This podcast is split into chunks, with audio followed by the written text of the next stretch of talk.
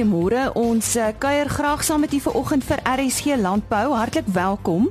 Ons kry vandag terugvoer vir die laaste keer vanaf die nasionale jeugskou waar daar ook beoordelaars was vir kulinaire kunste as ook suiwelbereiding. Dan gesels professor Charlie Reinhardt oor die impak wat aardverwarming het op gewasse en onkruide en gee vir ons die weeklikse bruselose terugvoer. So bly ingeskakel. Billy Swart en Andries Pieterse was beoordelaars vir kulinaire kunste by die nasionale jeugskou. Nou hierdie kunste is nie die eerste ding waaraan jy dink as jy aan jeugskoue dink nie. Maar tog is dit op die ou end die einddoel van die produksie van diere op skou om die heerlike produkte te kan geniet. Ursula Himan het met die beoordelaars gesels oor die rol wat hierdie kunste by jeugskoue speel. Eers dan die woord Billy Swart. Die kulinaire kunste word wonderlik geïnterpreteer hierso, want dit 'n kind word van sy immanente fase met uh met kreatiewe positiwiteit gevat na sy transcendente fase. Nou wat dit beteken hoe ek dit stel is 'n kind sien gewoonlik net melk in 'n bottel in 'n winkel. En hy besef nie eintlik regtig waar dit vandaan kom nie. So as hy dan hierso is as sien hy vir hier die bees, die bees verskaf die melk. Nou vat ek aan melk en ek maak witsous daarvan of ek kan 'n kaas maak daarvan wat ek wil gebruik in my kreatiewe wêreld en so. Hoe was die kinders gekies om aan die nasionale jeugskou deel te neem? Okay, ons het ehm um, provinsiale kompetisies waar die kinders deelneem en dan het hulle dan elke jaar in 'n verskillende provinsie dan kom hulle dan deel neem hulle deel aan die uh, nasionale kompetisie. Hoe was die kinders beoordeel hier by die nasionale jeugskou? Wel ons begin eerstens met hulle vooraf voorbereiding. Ehm um, dan word hulle op tegnieke en op ehm um, gebruik van toerusting beoordeel. Dan kyk ons na die voorbereiding van die kos, hoe hulle die kos voorberei en ehm um, dan word die kos aangebied of ehm um, op tafels gedek en dit word dan alles beoordeel. Smake word beoordeel, teksture, die voorkoms van die bord en hoe dit pas by die tema.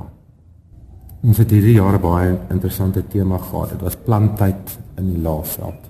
So die junior deelnemers moes 'n bord ehm um, kos gemaak het vir middagete wat hulle nou in 'n lap toe draai soos wat hulle in die ou tyd om so met 'n vaddoek vasgemaak het en dit moet nou 'n land toe gevat word vir die boer wat nou besig is met plantheid.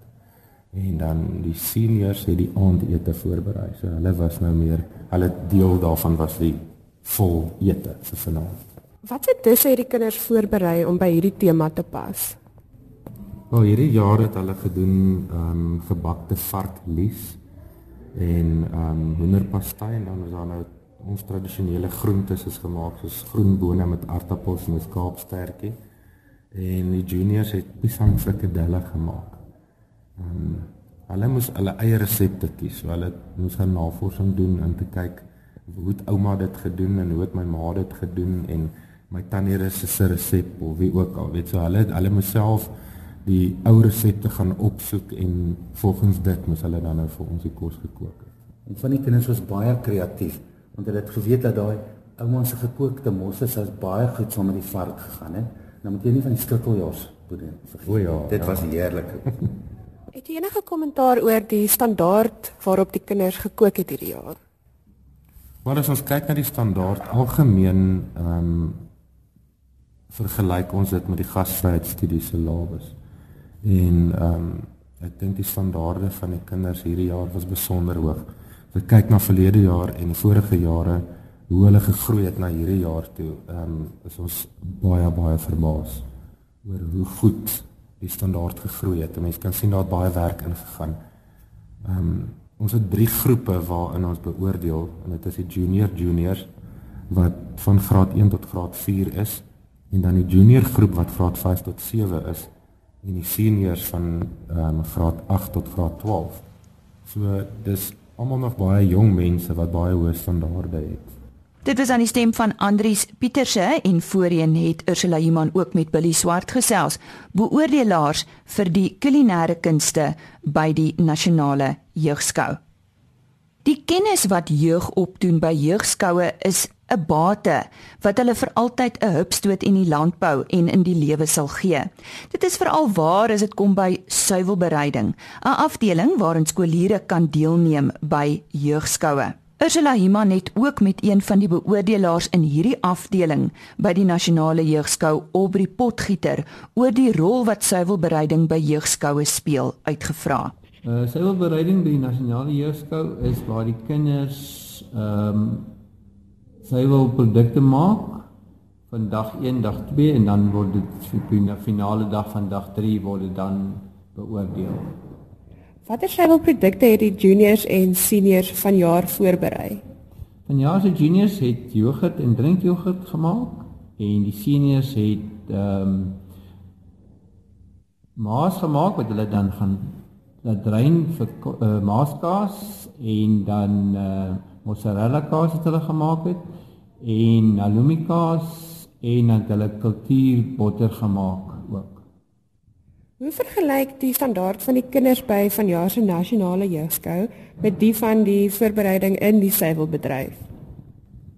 Jong, daar's baie kinders wat op standaard is, maar van die kinders is nie op standaard nie, maar hulle het dan die basiese uh, riglyne wat hulle gebruik met die vervaardiging van die suiwelprodukte.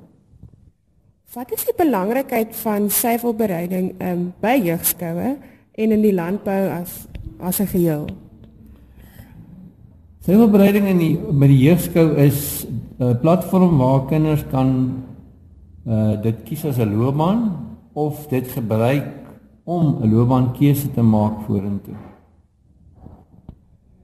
Op watter kennis word ehm um, die kinders getoets in die eksamen wat gepaard gaan met die praktiese voorbereiding? Dit gaan maar net oor pasteurisering, waar kom pasteurisasie vandaan, waar uit is uh, bestaan melk.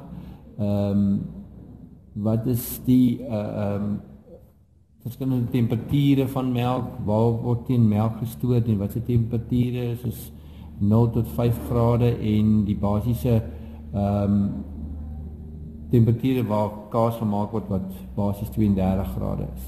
Hoe oud is die kinders wat deelneem? Juniors is gewoonlik so graad 7 en dan die seniors is so enig van graad 10 af tot by 11.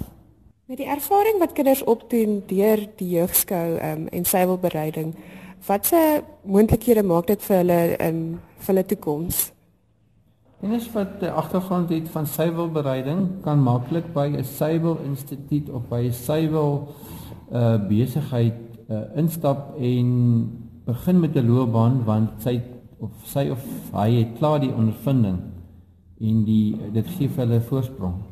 En ons sê dankie aan Ursula Iman wat daar met Aubrey Potgieter oor suiwelbereiding gesels het. Volgens aan die woord professor Charlie Reinhardt, dekaan van Villa Akademie en ook buitengewone professor in onkruidwetenskap aan Universiteit van Pretoria en Stellenbosch Universiteit. Onkruide is een van die grootste struikelblokke in gewasproduksie en voedselsekerheid vir die toekoms. Onkruide is ook dikwels beter as voedselgewasse aangepas om die uitdagende impak van aardverwarming te weerstaan. En dit is waaroor ons gesels. Volgens professor Charlie Reinhardt word gewasse sowel as onkruide in twee plantgroepe verdeel: in C3 en C4. Hy verduidelik. Goeiemôre Lize, goeiemôre luisteraars. Ek uh, beantwoord graag daai vraag by wyse van 'n inleiding oor die wonderlike proses wat net in plante plaasvind, naamlik fotosintese. Dit het alles met CO2 en aardverwarming te doen, so ek gaan net gou vinnig dit verduidelik. Die proses van fotosintese vind in alle groen plante plaas. En dit behels basies dat koolstofgas, water en sonlig gebruik word om suikers met ander woorde koolhidrate te vorm. Nou hierdie koolhidrate is natuurlik die bron van energie vir mense, diere, plante, mikroorganismes, alle forme van lewe is hiervan afhanklik. So 'n onontbeerlike proses in die lewe. Nou die CO2 wat daar gebruik word, vorm eintlik die koolstofskelet met ander woorde. CO2, dis koolstofgas en die koolstof daarin vorm die koolstofskelet van alle lewende organismes. En nou moet ons net gou teruggaan, 'n paar miljoen jare terug. 300 miljoen tot 360 miljoen jaar gelede. Dit was die sogenaamde karboontydperk. Nou in daardie tydperk, plante groei wat toegegroei het, was basies reusagtige plante. Te danke aan die hoë CO2 konsentrasies van daardie tyd die koolstofgaskonsentrasies daardie tyd was ongeveer 100 keer hoër as vandag. Dit is destyds reken hulle so 5% en vandag is ons by 0.04% koolstofgas in die atmosfeer. Nou te danke aan daardie relatief hoë koolstofgasvlakke kon die plante so groot groei. En daardie enorme biomassa wat toegevorm is en is toe neergelê as fossiele brandstof. Steenkool, olie en aardgas wat ons vandag nog gebruik. En nou kom die relevantie tussen daardie tyd en vandag. Want deurdat ons nou daardie fossiele brandstof vandag verbrand, stel ons eintlik CO2 in die atmosfeer vry wat miljoene jare oud is. En vandag se plante is net eenvoudig nie genoeg om daardie CO2 weer te bind in die vorm van koolhidrate tot so 'n mate dat die, die koolstofgas van die atmosfeer verlaag nie. En dit wat gebeur het miljoene jare gelede, daai 5% koolstofgas is afgebring na 0.04% van vandag. Dit dank aan die vaslegging van CO2 in die plante. So dis 'n bose siklus wat nou aan die gang is met die verbranding van fossiele brandstof verhoog ons CO2 konsentrasie in die plante van vandag is eenvoudig nie genoeg om dit na laer vlakke af te bring nie. En uh, natuurlik uh jy weet dit is dit is 'n groot probleem. Charlie maar maar, maar hoe is CO2 gekoppel aan aardverwarming? CO2 is eintlik die belangrikste sogenaamde glashuisgas greenhouse gas wat daar is. En uh, wat dit veroorsaak is hoë CO2 konsentrasies in die atmosfeer. Veroorsaak dat die hitte, sonlig energie in die vorm van hitte kan nie ontsnap uit ons atmosfeer nie. En dit veroorsaak dat die die oppervlak van die aarde dan nou warmer word as wat dit andersins sou. Dis hoekom ons aardverwarming het en daarmee saam natuurlik nou klimaatsverandering want dit beïnvloed natuurlik nou reënvalpatrone en hoeveelheid reënval. En uh, dit is dus die die groter koneksie met ons en met landbou. Nou as ons na C4 en C3 plante kan kyk, C4 plante word so genoem omdat hulle oor twee meganismes beskik om CO2 uit die lug gebind in die vorm van suikers. Nou die CO2 moet ons ook net onthou, kom 'n plant binne via die huidmondjies. Dis openinge in die blare wat gereguleer kan word, wat kan sluit en oopmaak na gelang van die behoefte van die plant om CO2 op te neem en natuurlik suurstof vry te stel. Nou omdat C4 plante twee meganismes het om CO2 te bind, is dit dus meer effektief om suikers te produseer. En C3 plante het net een meganisme. So hulle is nie so effektief om uh, suikers te produseer met dieselfde hoeveelheid koolstofgas as C4 plante nie. Dit verklaar al klaar hoekom ons uh, met 'n gegee aantal plante per hektaar byvoorbeeld van C4 en C3 plante kan ons eenvoudig nie dieselfde opbrengs bereik met C3 plante as C4 plante nie. Kan jy vir ons 'n paar voorbeelde noem van C4 plante? Ehm um, al ons tropiese grasgewasse. Lilies, suikerriet, sorghum kan jy byvoorbeeld onder C4 plante klassifiseer. En dan die boonsoorte, sojabone, droëbone, ook sonneblomme, aardappels en klein grane. En dit is almal C3 plante.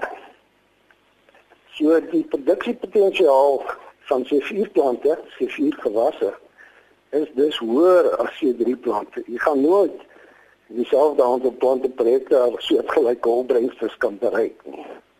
Dis die eerste ding om aan te neem. En dan belangrik ook wat te doen met die produksiepotensiaal van C4 plante relatief tot C3 plante is dat onder hitte en droogte toestande sluit die plant se uitmondjies natuurlik om waterbewaring te veroorsaak want dit is 'n belangrike meganisme waar volgens water ook ontsnap uit 'n plant is onder andere deur die uitmondjies. Nou as jy uitmondjies sluit dan kan die plant natuurlik nie CO2 opneem om te groei nie, suiker te produseer nie. En uh, nou het ons 'n aanpassing by seker plante wat te wonderlik is. Hulle kan ten spyte van gesluite uitmondjies kan hulle nog steeds fotosinteer omdat hulle aanhou aanhou kan fotosinteer met baie lae vlakke van CO2. So hulle kom klaar met wat in die plant teenwoordig is nadat die uitmondjie gesluit het. Sien drie plante het nie so vermoë nie En wanneer 'n uitmondjie deur sluit deur droogte en hittestremming by C3 plante, dan neem hulle fotosintese af. Want hulle moet baie hoër vlakke van CO2 hê om te kan fotosinteer. Hoe word hierdie plante se groei dan beïnvloed deur hitte? Daar is 'n groot verskil in die aanpassingsvermoë van C4 en C3 plante by droogte en hittestremming. C4 plante beter aangepas as C3 plante. En so is die optimum temperatuur vir groei dan nou ook vir C4 plante vasgestel as rondom 35 grade Celsius. Ook aan daai temperatuur neem die fotosintese tempo en dus produksievermoë van die plant neem dan af. By C3 plante is dit laag. Dis onder die 30 grade Celsius dan by sulke plante neem fotosintese en dan hulle produksiepotensiaal neem af by daardie vlakke van temperatuur. So wat dan nou in die toekoms wank met verhoogde temperature weens aardverwarming is dat die vuurplante beter aangepas gewees by sulke toestande en vir drie plante swakker. Nou natuurlik die implikasie vir kompetisie tussen gewasplante en onkruide. As jy nou byvoorbeeld C4 gewas het en jy C4 onkruide daarin, sterk kompetisie aan die gang. Want die produksiepotensiaal en die groei vermoë van die plante is dan nou baie soortgelyk. Sit jy nou egter die groter aanpassingsvermoë van onkruide by hierdie situasie Hulle het groter genetiese diversiteit as die gewas. So hulle het 'n vermoë om op natuurlike wyse baie beter aan te pas in hulle omgewing as die gewas. En dan behoort die C4 onkruid vir die C4 gewas pak te gee in so 'n situasie. Natuurlik as jy nou C3 onkruid en 'n C4 gewas het, dan kan jy dalk redeneer dat die C4 gewas beter in staat sal wees om C3 onkruid te kan onderdruk. So, uh, wat leer ons nou, Charlie? Ons moet probeer om ons gewasse as dit ware weer soos onkruide te maak. Dit klink dalk 'n bietjie vreeslik, maar dis 'n lesse wat uh, wat nodig is om gewasplante vir die toekoms voor te berei. As jy nou byvoorbeeld 'n gewasplant kan kry wat meer droogte bestand is, meer hitte bestand is, soos wat onkruide is, dan het so gewas baie beter kans om uh, produktief te wees en met onkruide te kan kompeteer in die scenario van verhoogde temperature, wisselvallige reënval wat met aardverwarming geassosieer word. As ons kyk na huidige gewasproduksiepraktyke wat hierdie situasie kan beïnvloed. Dan is een belangrike aspek waarna ons moet ag gee is die vermoë van 'n onkruid om weerstand teen onkruiddoders op te bou. Nou hoe dit nou met aardverwarming in verband kan hou is dat as ons in die toekoms onkruide het wat groter produktiwiteit het as die gewas weens aardverwarming dan kan ons dalk 'n situasie kry dat die onkruide net op tyd al swakker deur onkruide doders beheer kan word. In so 'n situasie gaan ons natuurlik druk in rigting van waar ons al hoër dosisse onkruiddoder wil gebruik en meer dikwels wil gebruik.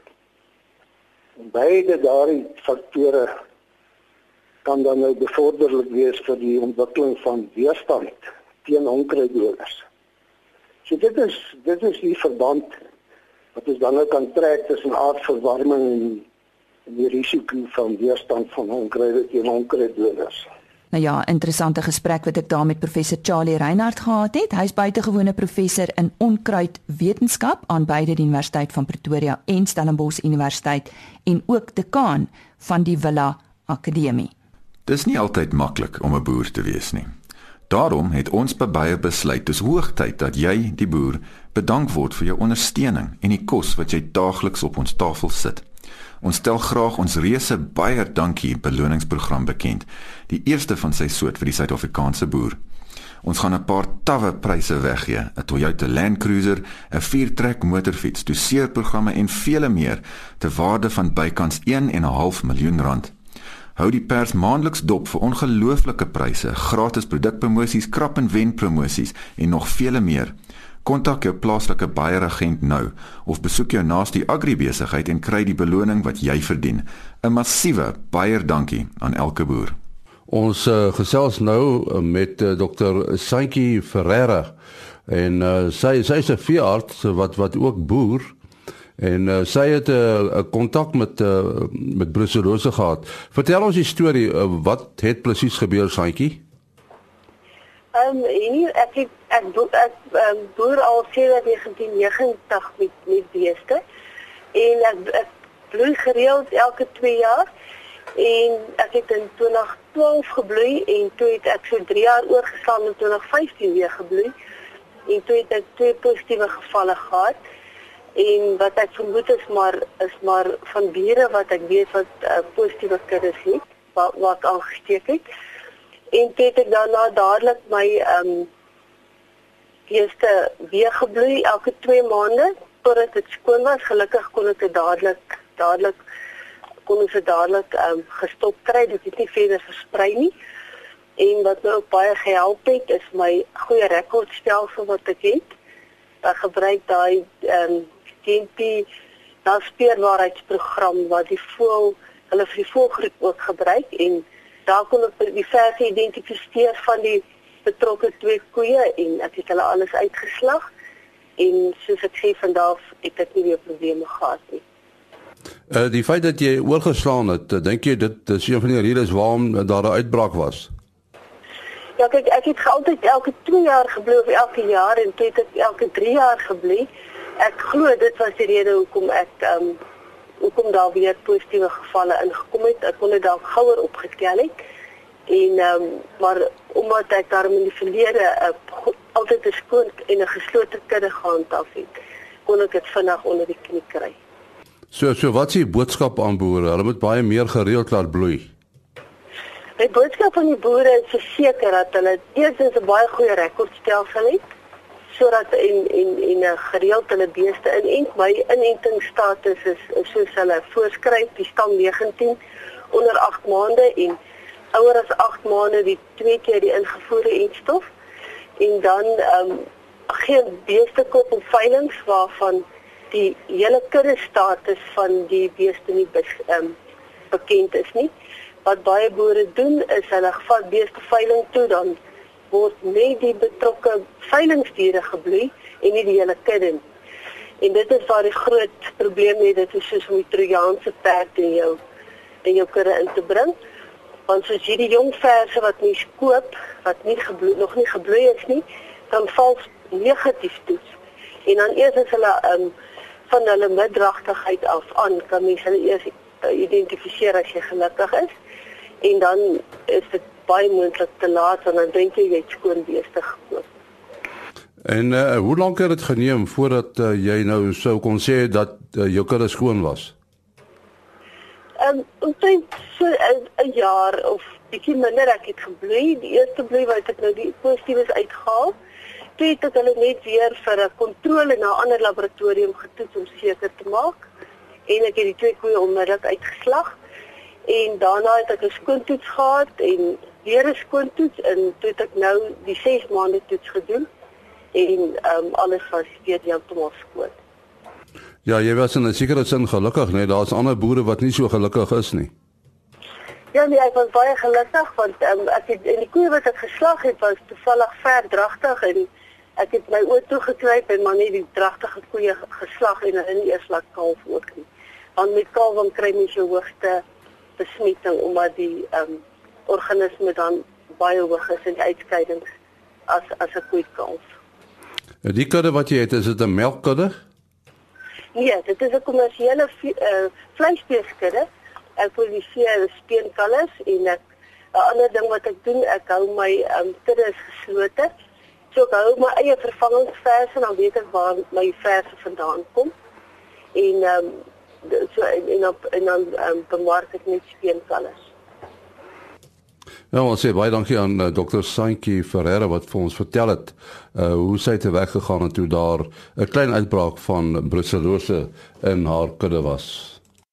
daarmee het ons gekom aan die einde van vandag se program en ook my aandeel aan RSC Landbou vir hierdie week. Ons is weer maandagooggend op ons pos om 05:30. Onthou, daar is twee plekke waar u weer na enige van die onderhoude kan gaan luister: www.rsg.co.za, soek net die potgooi of die onderhoude is ook apart beskikbaar by www.agriorbit.com. Klik net bo in die bladsy op broadcast. En daarmee groet ek u. Mag dit reën waar dit nodig is. Mag u week en naweek wonderlik wees. Totsiens. RSG Landbou is 'n produksie van Blast Publishing. Produksieregisseur Henny Maas. Aanbieding Lisa Roberts. En uitskoördineerder Martie Kerstyn.